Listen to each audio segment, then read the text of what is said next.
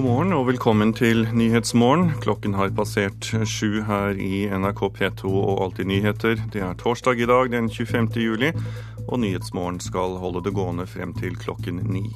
Programleder i dag, det er Tor Albert Frøsland. Og vi starter med den omfattende og alvorlige togulykken i Spania, der eh, et eh, lyntog eh, sporet av. Samtlige vogner gikk av skinnene, flere av dem veltet. Og minst 77 mennesker mistet livet. Flere enn 140 ble skadet i denne ulykken, som skjedde like ved byen Santiago de Compostela. Øyenvitner beskriver svært kaotiske tilstander sangre para poder hacer las intervenciones quirúrgicas eh, que están Bildene fra ulykkesstedet viser togvogner som står klemt mot hverandre. En av vognene er revet i stykker, to andre har kollidert med hverandre. En vogn står halvveis oppover. Toget hadde fire vogner. Det var på vei fra Madrid og hadde kommet nesten helt frem til stasjonen ved Santiago de Compostela da ulykken skjedde.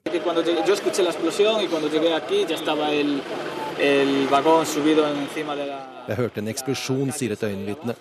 Alle naboene sprang ut av husene og mot ulykkesstedet. Men vi ble redde fordi brannvesenet sa det kunne komme eksplosjoner. Vi løp vekk igjen, men det kom ikke en eksplosjon, så vi gikk tilbake. Naboene som løp til toget, tok med seg økser, sager og annet utstyr. De forsøkte å redde folk vekk fra vrakene. Det var små branner på området, men ikke noen som truet vognene. Alle vognene i hurtigtoget ble kastet vekk fra sporet. En av dem havnet på motgående spor. Bildene fra ulykkesstedet viser døde mennesker under tepper. Mange av teppene kommer opplagt fra folk som bor i området. Det er kaotiske scener ved de ødelagte togvognene. Brannfolk kutter i metall for å komme seg inn. Ikke alle vognene er gjennomsøkt. Det kan fortsatt være folk inni vrakene. Nøyaktig hva som skjedde, er uklart.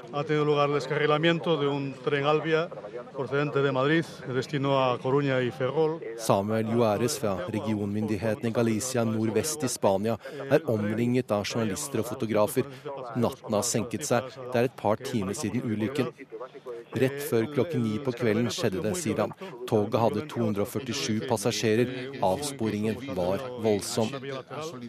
Det er et Albia-tog som spurte av. Det kan ha en toppfart på 250 km i timen, men det skal ikke ha vært på en høyhastighetsstrekning da ulykken skjedde. Rapporter tyder likevel på at toget hadde for høy hastighet da det gikk inn i en sving rett før stasjonsområdet. Det sa reporter Halvard Sandberg. Og Det er uklart om det er nordmenn involvert i denne togulykken, med Utenriksdepartementet jobber med å finne ut om det er nordmenn involvert. Pressefakt Hanne Mefall sier de foreløpig ikke har noen informasjon om at norske borgere er berørt. Det vi er da kjent med, er at et tog fra Madrid til Santiago de Compostela med sannsynligvis over 200 passasjerer har sporet av i nærheten av da Santiago eh, de Compostela. Eh, vi har foreløpig ingen meldinger om at nordmenn skal eh, være berørt. Vi har eh, et konsulat i La Coruña hvor vår konsul har fulgt situasjonen derfra, og i dag tidlig reiser til Santiago for å følge situasjonen nærmere der. Dette er jo et uh, turistområde. Hva vet dere om norske turister som ferierer i området? Eh, det er, normalt, eh, det er, normalt, ikke mange norske borgere i området, men, men, det er noen hundre nordmenn som reiser til Santiago hvert år. Mange av dem pilegrimer og andre eh, turister. Ja, hvordan undersøker dere dette videre nå? Nei, vi Gjennom vår ambassade og vår eh, konsul, så er, eh, som nå vil være på plass i Santiago i dag tidlig, så vil vi følge situasjonen derfra. Vet dere noe om årsaken til ulykka? Nei, vi er ikke nå, Jeg forstår at det, dette følges tett av spanske myndigheter. Så, så vi, eh, vi, forholder oss til det spanske myndigheter nå gjør, det arbeidet de gjør. Intervjuer det var Ingrid Wilberg Arnesen. Og fungerende utenrikssjef her i NRK, Knut Magnus Berge. Kan dette være noe annet enn en ulykke?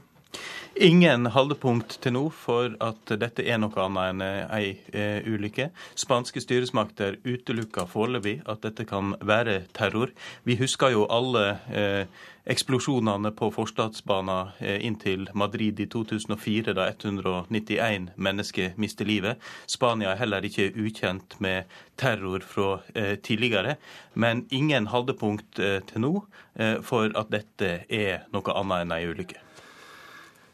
Eh, vi har fått høre at hittil er 77 mennesker bekreftet omkommet. Eh, fare for at dødstallene kan stige ytterligere? Det er det. Eh, dødstallene har steget nå i hele natt. Det som er stadfesta, er at 73 mennesker var funnet omkomne i selve ulykka, mens fire mennesker da har dødd på sykehus. Men disse tallene kan komme til å stige. Dette er den verste togulykken i Europa på 13 år. Vet vi noe om hvorfor så mange har omkommet her? Eh, det som er angitt som en mulig årsak, er som eh, vi var inne på i innslaget, at toget har holdt for høy hastighet. Dette er jo et tog som på riktig type skinnegang kan gå opp til 250 km i timen. Eh, men dette er da en smalere skinnegang. Om så toget har holdt for høy hastighet inn i denne svingen nær Eh, stasjonen i Santiago de Compostela. Det vil videre etterforskning selvsagt eh, eh, kunne kartlegge. Det er jo nå en større religiøs fest i denne pilegrimsbyen, slik at det er mange pilegrimer til stede i Santiago de Campostela. Det er en religiøs fest for apostelen Jakob, som ligger da gravlagd i denne byen, helt nordvest i Spania. Takk skal du ha, fungerende utenrikssjef i NRK Knut Bangles Berge. Du holder oss oppdatert om den eh, omfattende togulykken eh, nordvest i Spania. Nå skal vi høre at norske kvinner kan mye mindre om politikk enn norske menn. Det viser en ny, stor internasjonal undersøkelse i ti land. Til tross for at Norge er landet med mest likestilling, er spriket på hva kvinner og menn vet, størst nettopp her i Norge. Hva er handlingsregelen? Jeg vet ikke. jeg kan sikkert klare med alternativ, men jeg tror ikke Nei. Ja, det er et godt spørsmål. det er sånne rammer man setter for hvor, hva man kan bruke, altså budsjett, innenfor budsjettet. Helene Oppheim, Ane Lemvik og Truls Rønning stiller opp på en liten uformell quiz på gata i Oslo. Vi stiller noen av de samme spørsmålene som norske kvinner og menn fikk i den internasjonale undersøkelsen. Norske menn svarte der riktig på 73% av spørsmålene som ble stilt, mens kvinner bare klarte litt over halvparten. At spriket på hva menn og kvinner kan om politikk ble størst i Norge, kom som en stor overraskelse på forskerne bak undersøkelsen. For vi fant jo, fant jo egentlig det stikk motsatt av det vi, vi trodde i, i, utgangspunktet. Det var jo ikke sånn at Norge og de her landene som, som skårer høyest på, på likestillingsbarometer og at, at uh, kjønnsgapene var, var, minst der. Snarere tvert imot. Altså, her uh, var, var gapene mellom menn og, kvinners politiske interesse veldig stor. Det sier professor ved NTNU Toril Aalberg, som står bak den norske delen av undersøkelsen. Kvinner og menn i Australia, Canada, Colombia, Hellas, Italia, England, Sør-Korea, Japan, USA og altså Norge har fått testa kunnskapene sine. Jo mer likestilte kvinner og menn er, jo større er spriket på hva de kan om politikk. Men norske kvinner kan likevel mye om politikk, understreker Aalberg. Norske kvinner har samla sett veldig høy grad av kunnskap. Så det er bare det at norske menn er veldig, veldig mye bedre. Og derfor blir det her gapet veldig, veldig stort. Forskerne bak rapporten mener forklaringa delvis kan ligge hos media selv, siden mesteparten av de vi intervjuer er menn. Berit von der Lippe, som er professor i retorikk ved BI, syns spriket er interessant. Det er jo et faktum at også i Norge så har jo kvinner og menn no, i noen grad ulike interesser. Og vi bedriver dagen i noen grad på ulike måter. Så jeg er veldig opptatt av hvordan politikken da presenteres i mediene. Hvem er statsminister i Sverige? Eh... Nei, jeg husker ikke. Fredrik Reinfeldt, Gøran Persson, Mats Jansson eller Mona Salin? Første? Fredrik? Ja. ja. Fredrik Reinfeldt. Helene Oppheim og Anne Lemvik svarte riktig på alle spørsmålene når de fikk høre svaralternativene. Men syns det er rart at menn kan såpass mye mer om politikk her hjemme. Jeg trodde det var jevnere. Ja. ja. Norske kvinner liksom var engasjert og holdt seg oppdaterte, egentlig. Og reporter som stilte de vanskelige spørsmålene til folk, det var Linda Reinholdsen. Men jeg har med meg en kvinne som i hvert fall er glødende interessert i politikk, og det er Heidi Nordby Lunde. Du er stortingskandidat for Oslo Høyre. Norge er landet med mest likestilling, og vi feirer 100 års stemmerett for kvinner i år. Hva tenker du om det som kommer frem i undersøkelsen? Ja, jeg syns først og fremst at det er litt flaut å få vite dette samtidig som vi akkurat har feiret da 100-årsjubileet for kvinners stemmerett. Fordi det betyr jo at menn fortsatt utgjør hoveddelen av både kildene til dagsaktuelle saker og nyheter, og kan mest om dem. Så da vil det jo også være de som, som setter den politiske dagsordenen og de politiske prioriteringene, og det er jo et paradoks. Ja, men hva med kvinner da? Evner ikke de å sette den politiske dagsordenen slik du ser det? Jo da, men denne rapporten forsøker å forklare dette her med uh, at eh, det er færre kvinner som uttaler seg i media, og at kvinner fortsatt har hovedansvar for hus og hjem. Og Derfor så ser de mindre på nyheter på TV på, på kvelden. Men jeg tror at det er å snu problemstillingen på hodet. fordi eh, det er antageligvis da deltakelse i arbeidslivet som er utfordring.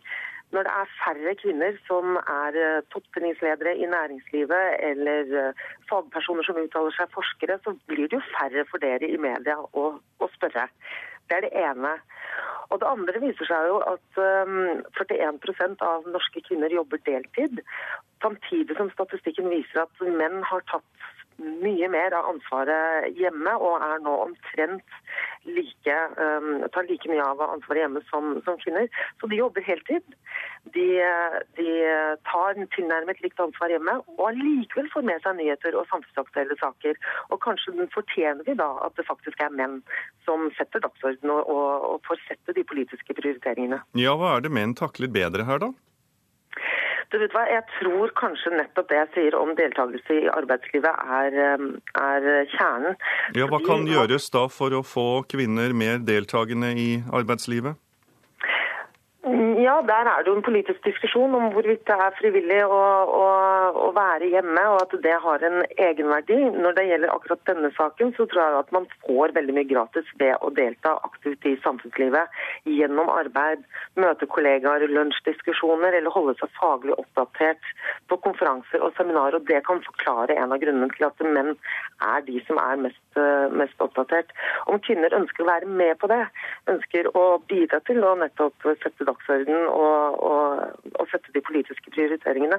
Men så må vi aktivt bidra til det selv, og ikke bare vente at mediene skal ringe oss opp uh, når vi er hjemmeværende med barn, eller at vi skal få toppstillinger på tross av at vi velger deltid, for det kommer vi ikke til å få.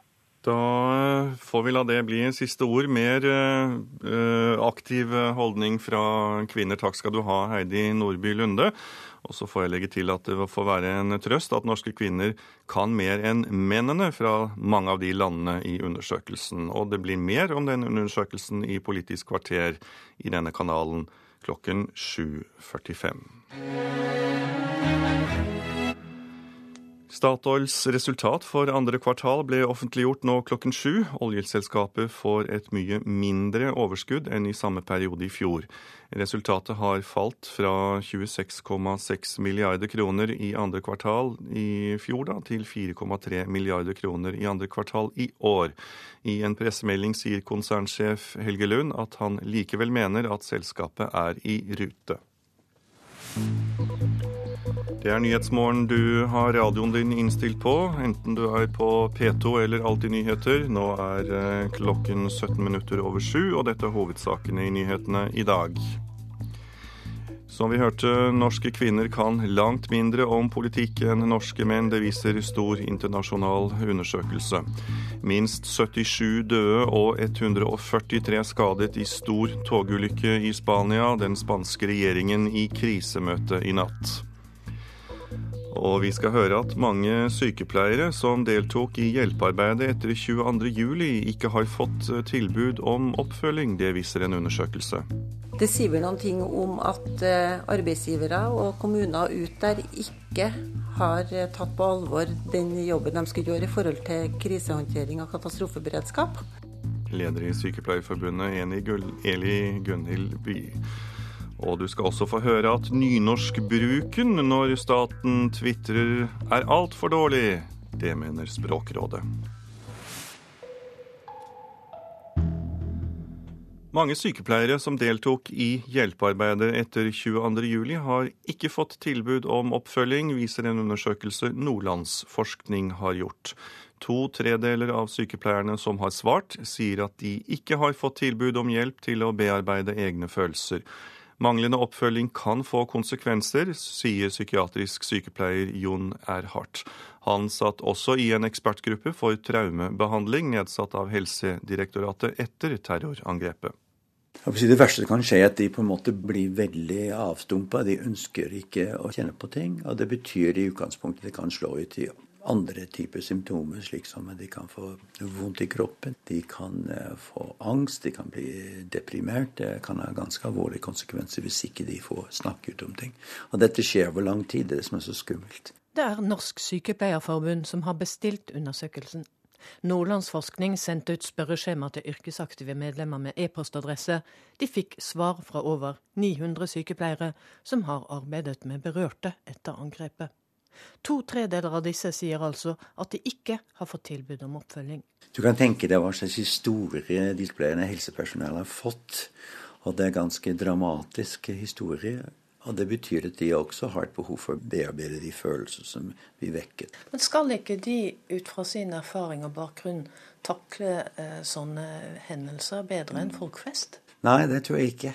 Det tror, det til og med, har til og med blitt uh, beskyldt noen ganger helsepersonell for å bli avstumpa fordi at de på en måte hører så mange sånne typer historier, og da blir man lett sånne opparbeidet et, eh, et, forsvar i forhold til det at man ønsker ikke at man vekker så mange følelser. Nå tvert imot, vi får mange historier som trengs å bearbeides. Nesten halvparten av de som fikk tilbud om oppfølging, svarer at de ikke benyttet seg av dette. Like mange av de som ikke fikk tilbud, sier også at de trolig ville takket nei. Fungerende helsedirektør Cecilie Daa synes rapporten er interessant, men vil foreløpig ikke svare på om noen har gjort en for dårlig jobb i forhold til sykepleierne jeg tror at eh, vi trenger tid til å gå gjennom ordentlig disse funnene som ligger i denne rapporten. Men hun mener at sykepleiere selv bør vite når de trenger hjelp. En del av det å være profesjonell er i hvert fall også å kjenne etter hvis man opplever seg at man ikke håndterer situasjonen, og greie å si fra eh, om det. Eh, så den biten er viktig. Men da må man selvfølgelig også bli hørt hvis man kommer med et ønske om et behov for oppfølging. Reporter var Katrin Hellesnes. Og jeg har fått besøk av Eli Gunhild By. Du er leder i Norsk eh, Sykepleierforbund. Velkommen. Ble sykepleierne glemt i bearbeidingsprosessen etter 22.07, slik du ser det? Jeg tror absolutt ikke de ble glemt, men jeg tror at eh, nettopp det å ha en plan og en krisehåndtering også for hvordan man eh, ivaretar hjelpepersonell i etterkant av en sånn stor katastrofe, er det som må gjøres bedre. Men nå hørte vi altså i innslaget at uh, mange ikke har benyttet seg av tilbudet, til tross for at de da fikk det. Og flere sier at de trolig ville takket nei dersom de fikk det. Hva, hva sier det deg? Jeg tror det sier meg at eh, mange av dem som har bidratt i en sånn type katastrofeberedskap, eh, har et eh, ganske sterkt kollegialt eh, samarbeid, og kanskje benytter mye av tiden også til å nettopp bearbeide de tingene her sjøl. Men så vet vi det at eh, alle sammen som jobber med den type kriseberedskap, bør og må ta seg tid til å nettopp bearbeide de voldsomme historiene som de får. Men eh, det ble spurt i innslaget her, og jeg spør deg også, bør ikke sykepleiere med den utdanningen de har, takle slike situasjoner?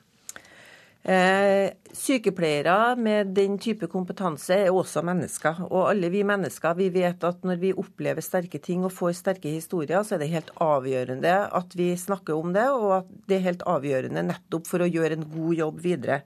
Eh, det her Undersøkelsen sier jo noe om at eh, nettopp det at vi må ha konkrete planer og krisehåndteringsplaner i forbindelse med sånne type katastrofer.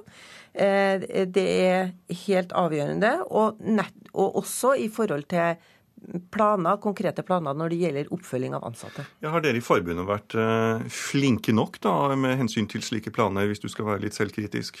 Eh, vi har jo et fylkesapparat med 19 fylker rundt omkring i det ganske land. Og da er det sånn at eh, disse fylkene eh, har ivaretatt og, og fulgt opp sine, sine medlemmer i, rundt omkring i det ganske land. Og da er det gjort på litt forskjellige måter, selvfølgelig. Men kanskje det kan tyde på at vi kunne gjort det enda bedre, vi også. Ja, for hva kan dere bruke denne rapporten til? Vi kan bruke den rapporten eh, til å se på å komme med bidrag i forhold til hvordan, hvordan eh, sånne type kriseberedskapsplaner må være. Men så må jeg også si at det rapporten også viser helt tydelig, det er jo at sykepleierne faktisk stiller opp når det er, når det er behov for det. 60 eh, av de sykepleierne som var der i akuttfasen, eh, eh, var altså ikke på jobb i utgangspunktet. Så de stilte opp i ferien sin og i fritida si. Det er også veldig bra. Takk skal du ha, Eli Gunhild By. Du er leder i Norsk Sykepleierforbund. Operasjon Siste sjanse det er navnet på en ny kampanje for å finne naziforbrytere som fortsatt er i live.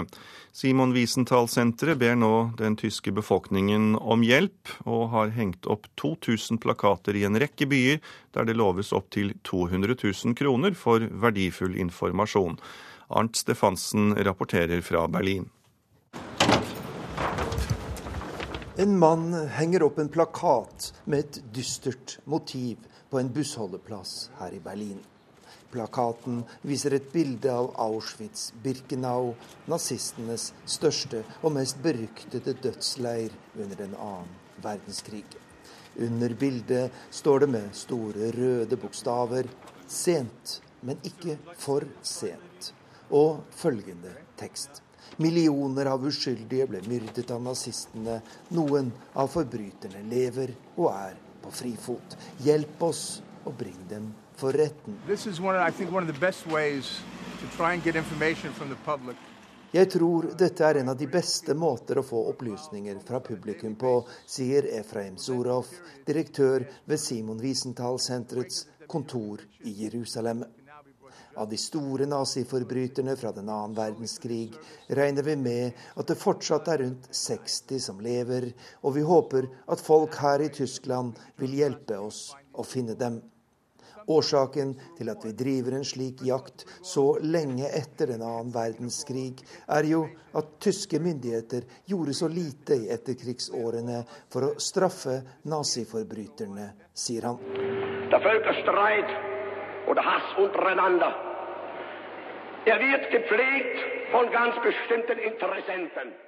Nazistenes folkemord på opptil seks millioner jøder regnes som en av de verste forbrytelser i historien. Men de fremste ansvarlige for holocaust ble aldri brakt for retten. Hitler selv og hans nærmeste medarbeidere, Himmler og Göring, begikk selvmord, og andre toppnazister ble drept eller slapp unna. Den fremste holocaust-forbryteren som er blitt dømt og straffet, er Adolf Eichmann. Han ble hengt i Israel i 1962. Simon Wiesenthal-senteret, som har sporet opp tusener av naziforbrytere, ser den nye kampanjen som et siste kapittel i dette arbeidet. Jeg tror det er klart for alle at dette ikke kan fortsette så mye lenger, sier direktør Efraim Zorov. Jeg regner med at vi har to til tre år på oss for å finne de naziforbryterne som fortsatt lever. Men jeg tar bestemt avstand fra at vi nå skal la disse gamle menneskene være i fred. I de 33 årene jeg har jaktet på nazister, har jeg ikke møtt én som har beklaget sine forferdelige ugjerninger. Så dette er de siste mennesker på jorda som fortjener medfølelse, sier lederen for Wiesenthal-senteret i Jerusalem. Og nå skal vi eh, titte litt på hva som står på forsidene til noen aviser. Familiedirektoratet mener foreldre ikke forstår hvor skadelig det er for barna når barna blir sendt til det offentlige i konflikter mellom foreldre. Foreldrene har ansvaret for å løse konflikten, mener direktoratet i Aftenposten. Grunneiere er rasende på Statnett, som bygde master på Stølsvei, snauhogde uten varsel og brukte tre år på å rydde opp igjen. Det skriver Nasjonen. Finansavisen tar for seg Kjell Inge Røkkes skjulte juvel. En ny hjertemedisin som kan være klar for det amerikanske markedet, noe som kan gi milliardinntekter. 28 000 mennesker i det offentlige må pensjonere seg når de blir 60. Sju år etter pensjonsreformen er det ikke skjedd noe med de såkalte særaldersgrensene for bl.a. politi, brannmenn og ansatte i Forsvaret, skriver Dagens Næringsliv. Dagbladet har møtt Farmen-gjengen et år etter TV-suksessen. Det gode været fører til at det brukes lite strøm her til lands, det skriver Dagsavisen. Sist uke ble det brukt rekordlite strøm her i Norge. Ungdomsfylla svekker hukommelsen på lang sikt. Det skriver Vårt Land i dag. 36% av sykehjemspasienter står i fare for å bli feilernært, skriver Klassekampen. Én av fem er undervektige, det viser en undersøkelse i Oslo. I løpet av den neste halve timen så skal du få høre mer om situasjonen i Sør-Sudan. Der styres landet for tiden av statssekretærer. Politisk kvarter i dag er ved Fredrik Solvang. Men nå er Turi Grønbekk kommet i studio for å gi deg de siste nyhetene fra Dagsnytt-redaksjonen.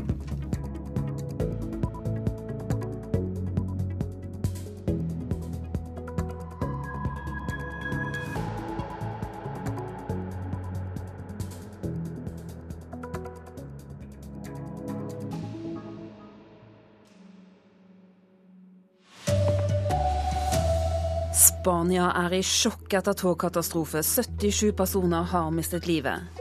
To av tre sykepleiere fikk ikke tilbud om oppfølging etter 22.07, ifølge rapport. Og norske kvinner kan mye mindre om politikk enn norske menn. Her er NRK Dagsnytt klokken er 7.30. Og Hovedsaken denne sendingen det er den store togulykken i Spania. Minst 77 personer mistet livet da et hurtigtog sporet av i går kveld. Flere enn 140 mennesker er skadet i ulykken, som skjedde like ved Santiago de Compostela, da tusenvis av pilegrimer skulle samles til feiring. Jeg hørte en eksplosjon, sier et øyenvitne. Alle vi naboene sprang ut av husene og mot ulykkesstedet men en brannmann sa det kunne komme en eksplosjon, så vi ble redde og løp vekk. Men det skjedde ingenting, så vi løp tilbake til toget.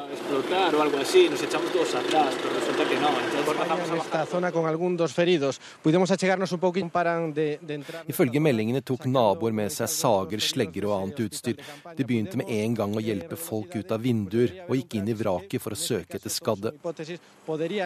Bildene fra området viser toget liggende rett før en veibru over linjene.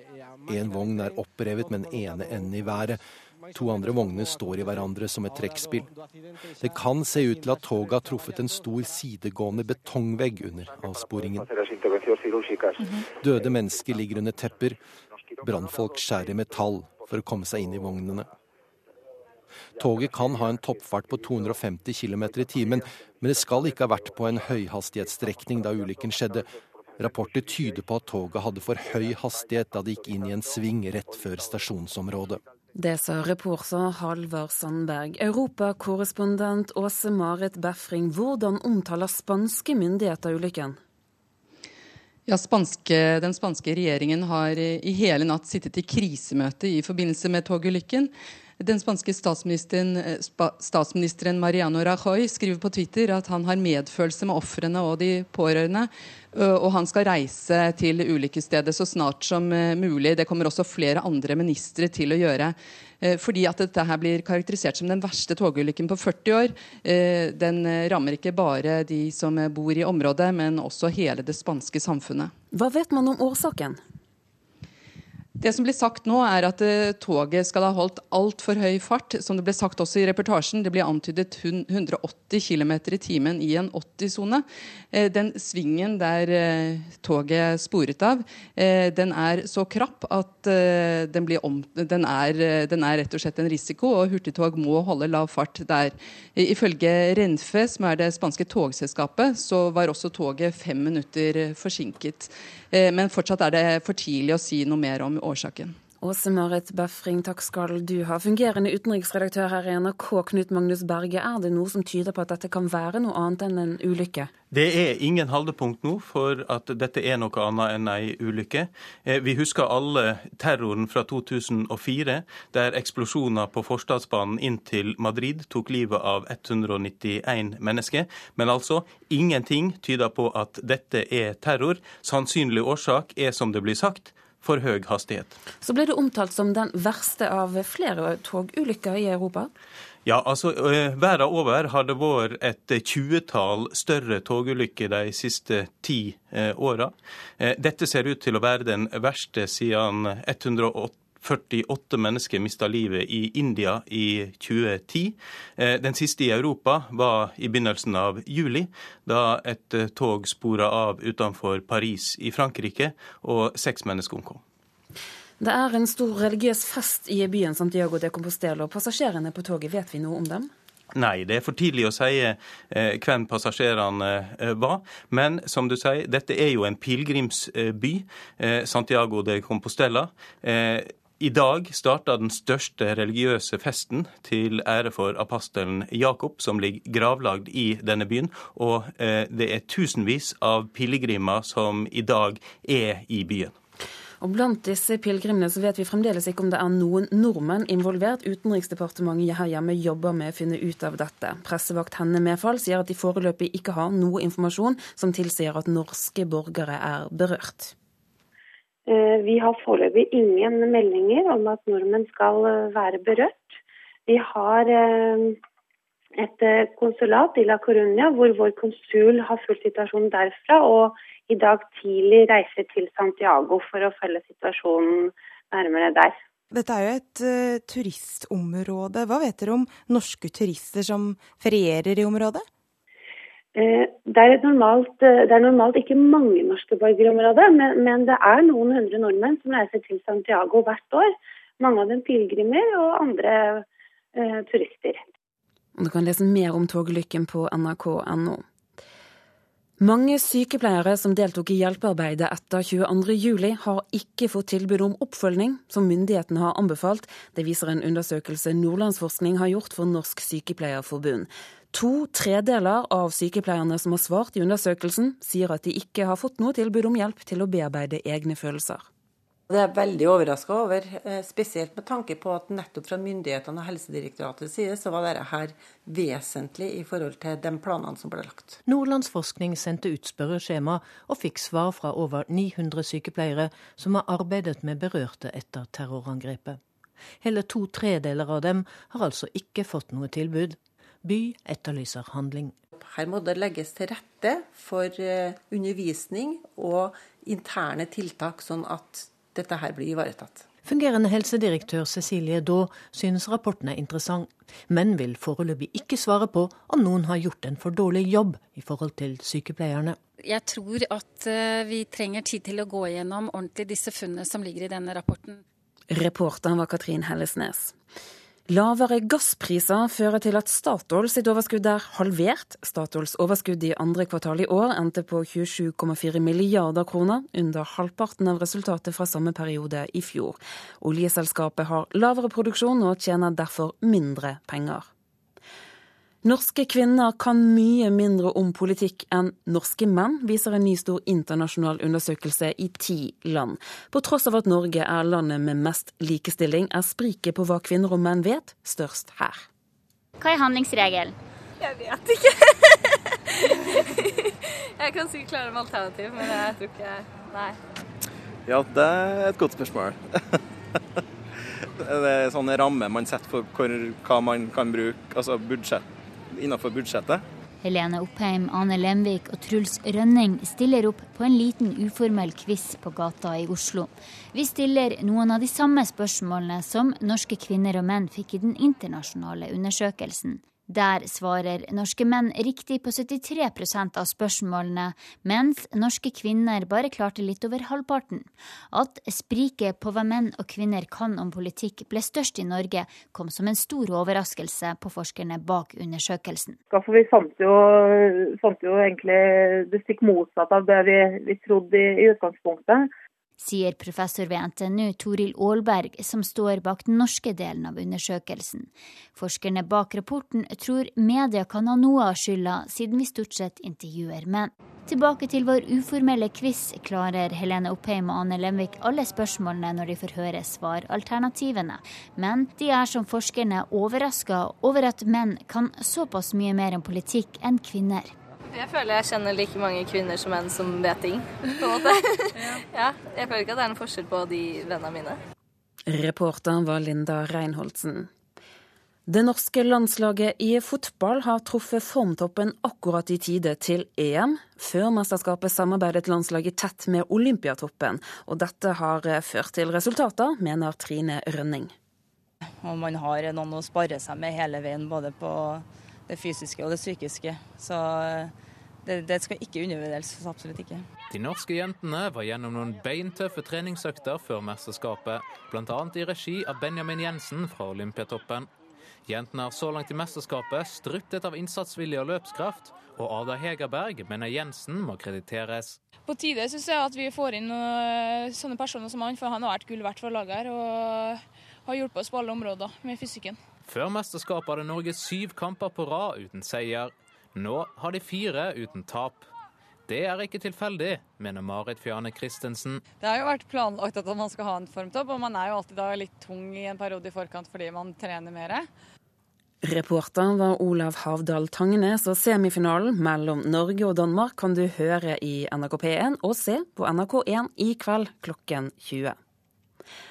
Ansvarlig for denne sendingen fra Dagsnytt er Anne Skårseth. Det er Lars Tronsmoen som har ansvaret for det som er teknisk, og her i studio Turi Grønbekk. Her i Nyhetsmorgen skal vi høre om landet Sør-Sudan i Afrika, for det styres for tiden av statssekretærer. President Salva Kiir avsatte tirsdag hele regjeringen sammen med visepresidenten og generalsekretæren i regjeringspartiet SPLM. Utenriksmedarbeider Tom Christiansen, som var rådgiver for Salva Kiir for fem år siden, har sett nærmere på hva som skjedde denne uken. Salva Kiir skulle rydde opp i regjeringen det lå i lufta. To ministre hadde allerede fått sparken. Noen rykter gikk om at selveste visepresidenten Rik Mashar kunne få sparken, men det trodde de færreste ville skje. Pagan Amom, den mektige generalsekretæren i SPLM, det dominerende regjeringspartiet, slo på TV en tirsdag ettermiddag. Salva Kiir skulle tale til folket. Pagan Amom og Salva Kiir var ikke på god fot lenger, etter at generalsekretæren hadde sagt han ville stille til presidentvalget i 2015, hadde tonen kjølnet. Hva hadde Salva Kiir på hjertet, ble det utskiftninger i regjeringen. Lamslått hørte Pagan Amom hva Salva sa. Generalsekretæren, altså ham selv, var avsatt pga. vanstyret. En kommisjon skulle granske hans arbeid i partiet og Rik Mashar var avsatt. Han hadde også meldt seg som utfordrer til presidentvalget, for partiet var splittet. Rik Mashar hadde gått ut offentlig mot presidenten, det samme hadde Pagan Amom. Men sjokket var ikke over. Salwa Kiir hadde fristilt alle de 29 ministrene. Fristilt var ikke det å få sparken. Nå skal landet ledes av Salva og statssekretærene. Antallet ministerier skal reduseres til 18. Noen av de fristilte kommer nok tilbake. Og slik er Sør-Sudan noen uker etter sin toårsdag som selvstendig nasjon, og bare to uker før Sudan skrur av oljeledningen som fører Sørs olje i rør over Sudans jord nordover og til havet for utskiping. Sudan beskylder sør for å finansiere militser på grensen til å angripe sivilbefolkningen. Sør retter den samme beskyldning mot nord, og 9. august skrur president Omar al-Bashir i Khartoum igjen krana. Salwa Kiir trenger en god forhandler nå. Det hadde han i sin avsatte generalsekretær. Han trenger også en til å mekle i alle de etniske konfliktene og skape ro. Han hadde det også i sin visepresident Rik Mashar. Salwa Kiir leder et splittet parti. Før hadde de én sak å kjempe for, å vinne krigen mot Sudan og bli selvstendige. Nå er det hundrevis av daglige politiske saker som kan splitte. Etniske grupper står mot hverandre. Dårlig utdannede mennesker fra f.eks. Murlestammen, som har en lang krigertradisjon, er i konflikt med de andre. Kvegtjuverier utarter til masseslagsmål, skyting og massakre. Landet henger ikke sammen, selv om sørsudanerne nå bor i et land land de kan kalle sitt eget. Salwa Kiir må raskt sanke sammen en ny regjering. Han kan velge en regjering av lojale, eller han kan velge ministre som til sammen fyller den etniske regnbuen. Da samler han alle, men får samtidig en regjering med indre spenninger. Kanskje tenker han like meget på å finne noen som duger. Det gjorde ikke alle dem som har blitt kastet ut av kontorene. Men de er ikke borte. Alle ministrene er medlemmer av parlamentet, som ligger like ved regjeringskontorene. Der sitter de nå og drikker sterk kaffe og lurer på hva som blir deres framtid. Lenger borte i gata sitter hun som kanskje har mer makt enn en sudansk minister, Hilde Frafjord Jonsson. Hun leder FNs arbeid i Sør-Sudan og står Salwa Kiir nært. Jeg tror de tar noen øl sammen på slike dager, for Frafjord Jonssons munn er for tiden lukket med sju seil. Det er Nyhetsmorgen i NRK P2 og Alltid nyheter du lytter til. Klokken nærmer seg 7.45, og her er hovedsakene våre. 77 døde og 143 skadet i omfattende togulykke i Spania. Uvisst om nordmenn er involvert. Norske kvinner kan langt mindre om politikk enn norske menn. Det viser stor internasjonal undersøkelse fra ti land. Og mange sykepleiere som deltok i hjelpearbeidet etter 22.07, har ikke fått tilbud om oppfølging. Det viser også en undersøkelse. Ja, kvinner kan, og kvinner vil, heter det seg, Fredrik Solvang? Men det stemmer bare delvis, viser altså ny forskning.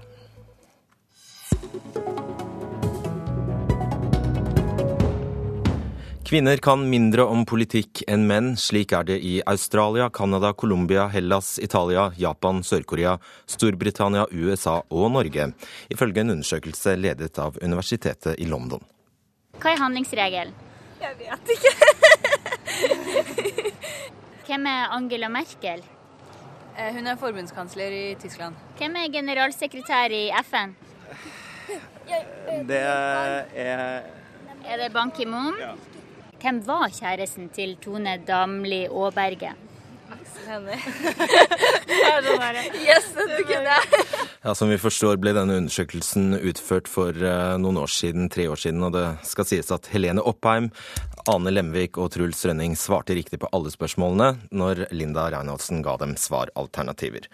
Men på nettopp dette spørsmålet svarte 80% av kvinnene riktig, mens bare 20% av norske kvinner vet hva handlingsregelen er. Og er det symptomatisk, professor i statsvitenskap ved NTNU, Toril Aalberg, du har ledet den norske biten av studien? Ja, Det er nok litt symptomatisk at det er forskjell på hvilke type spørsmål vi stiller, og hvor stor den skjønnsforskjellen blir. Sånn at de her mer typiske spørsmålene som går på økonomi f.eks., altså handlingsregelen, eh, hva arbeidsledighetsratioen ligger på og sånne type ting, så ser vi at, at skjønnsforskjellene øker, men også på en del spørsmål om, om utenrikspolitikk. Hva er hovedfunnene? Nei, hovedfunnene er jo i utgangspunktet at uh, altså Norske kvinner gjør det jo internasjonalt sett veldig bra, men norske menn gjør det aller, aller best. sånn at dermed blir gapet det største i Norge da, av de her ti landene. Og vi hadde jo en sånn forventning før vi starta om at eh, Norge som et eh, relativt likestilt eh, land kom også til å oppleve å ha de minste forskjellene når det gjaldt politisk eh, og annen type nyhetskunnskap, da, for å legge til det. Altså det her med Den tidligere kjæresten til Tone Dable Åmberge var jo ikke akkurat politisk kunnskap. Men det betyr at eh, likestillingen ikke spiller noen rolle? da?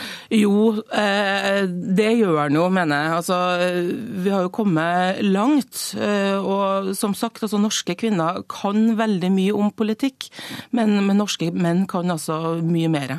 Du la inn et spørsmål om Angela Merkel. Hvorfor det? Jo, nei, Jeg var litt opptatt av at uh, vi må legge inn noen, noen spørsmål også om, om, kvinnelige toppolitikere. Nettopp fordi at uh, ofte så er det en forventning om at uh, fordi kvinner gjerne er fraværende i offentligheten, så, så blir interessen blant kvinner mindre. sånn at vi, vi, trodde kanskje at i det øyeblikket det var en synlig internasjonal kvinnelig skikkelse, så, så kom også kvinner i større grad til å, å legge merke til og, og, i større grad være eh, evne og, og svare korrekt på det spørsmålet. Men det var da altså ikke tilfellet. Det er vel ganske nedslående. Marianne Martinsen, du er eh, stortingsrepresentant for eh, Arbeiderpartiet, og du har selv en rosa blogg der du harselerer med sjangeren. Kommer disse funnene overraskende for deg? Ja, jeg er overraska. Eh, og det er det flere grunner til. Det ene er jo at, eh, at kvinnerepresentasjonen i norsk politikk er jo veldig høy i internasjonal sammenheng. Eh, og det andre er at eh, vi ser jo gjennomgående at jenter gjør det veldig bra eh, på skolen, og særlig samfunnsfag, og de dominerer høyere utdanning innenfor samfunnsfaga. Eh, så sånn sett så er det, så er det overraskende. og så vil jeg jo si at, at mitt forsøk på, på, å formidle økonomi på rosablogg ikke nødvendigvis er en harselering, men mer en leking med sjangeren i et forsøk nettopp på å avmystifisere, eh, ta ned et politikkfelt som ofte oppleves som litt uh, utilgjengelig. Men er det ikke et pek til dem som faktisk uh, liker, foretrekker denne type blogger framfor aviser med tungt politisk stoff? Jo, delvis er det et pek. Men samtidig så, så er jo rosabloggsjangeren en sjanger som, som treffer mange. Eh, og det har jeg respekt for. At det er et format som, som de evner å få til å treffe. Eh, og det å bruke noen av de samme virkemidlene for å f.eks. For forklare hva handlingsreglene er. Eh, det mener jeg først og fremst er demokratiserende. Det er i hvert fall et forsøk på å formidle noen ting som framstår som veldig komplisert. Både til, til menn og, og, kvinner i og for seg. Men, men, dette kan bidra til å gjøre debatten mer demokratisk og mer tilgjengelig, håper jeg. Harald Stanghelle, politisk redaktør i Aftenposten. Kvinner leser, ser og hører mindre nyheter enn menn. Interessen og kunnskapen er eh, dertil. Hvorfor? Jeg tror nok at det er en del mønstre som henger igjen. Eh, og så kan det godt eh, være at vi i mediene er for lite flinke til å eh, dyrke, dra fram kvinnelige kilder.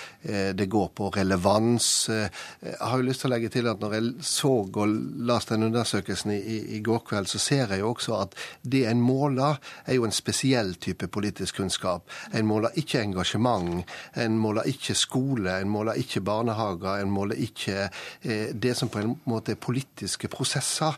Eh, og hadde det vært mulig og målt, ja, så kan det være at, eh, at resultatet ville blitt annerledes. Martinsen, stemmer det at bare kvinner får tema barnehage, så kan de veldig mye?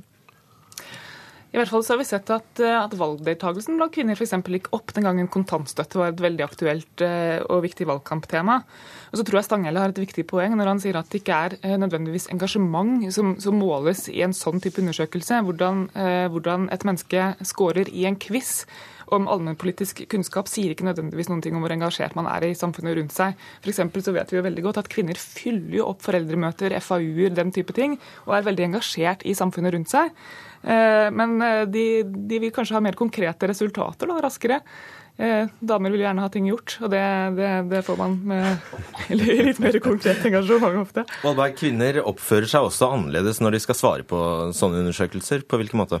Jo, altså Gjennomgående så er det jo sånn at kvinner i mye større grad eh, fort sier at man ikke vet, mens menn eh, i større grad gjetter vite. Altså Det kan være at man har en liten sånn anelse om hva som er riktig, og så tar man på en måte sjansen på det. og da, Det, det gir jo også, også, utslag. Så det, det, er et typisk mønster, ikke bare i Norge, men også en god del andre land. Stangengel, kan det være det at du rett og slett lager en så kjedelig avis at kvinner ikke gidder å lese den?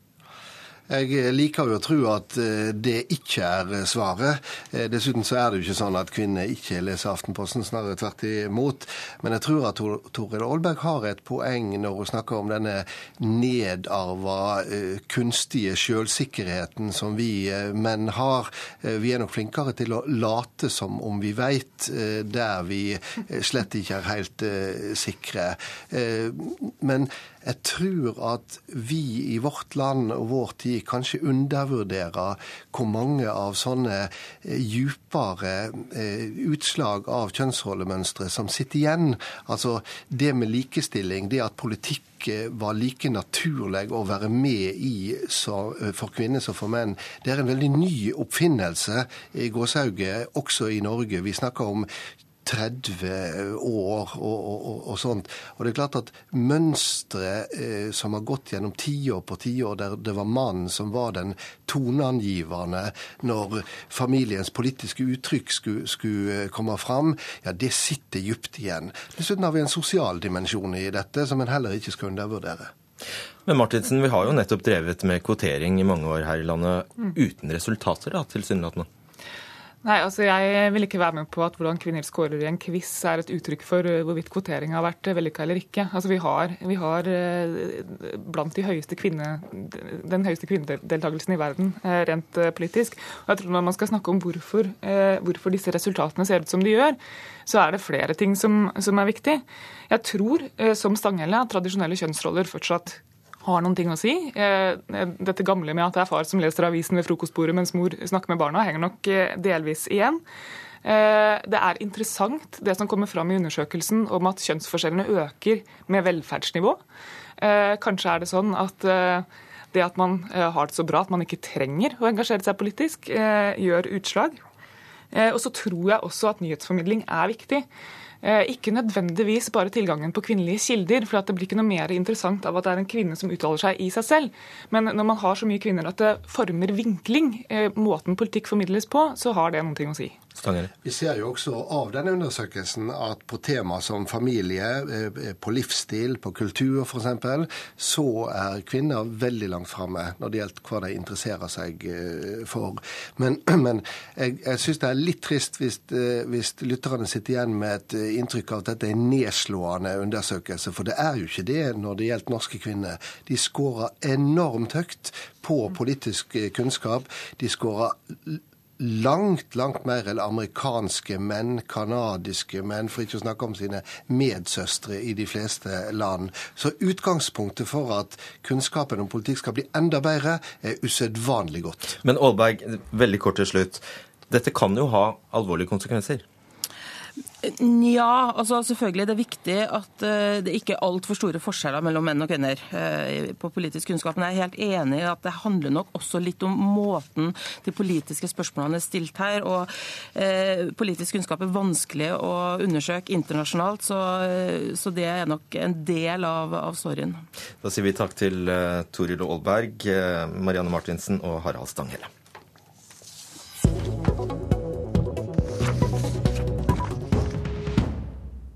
Beate Marie har etter hvert fått god politisk ballast med seg, eh, både som tidligere fylkespolitiker og aktiv i partiet gjennom mange, mange år.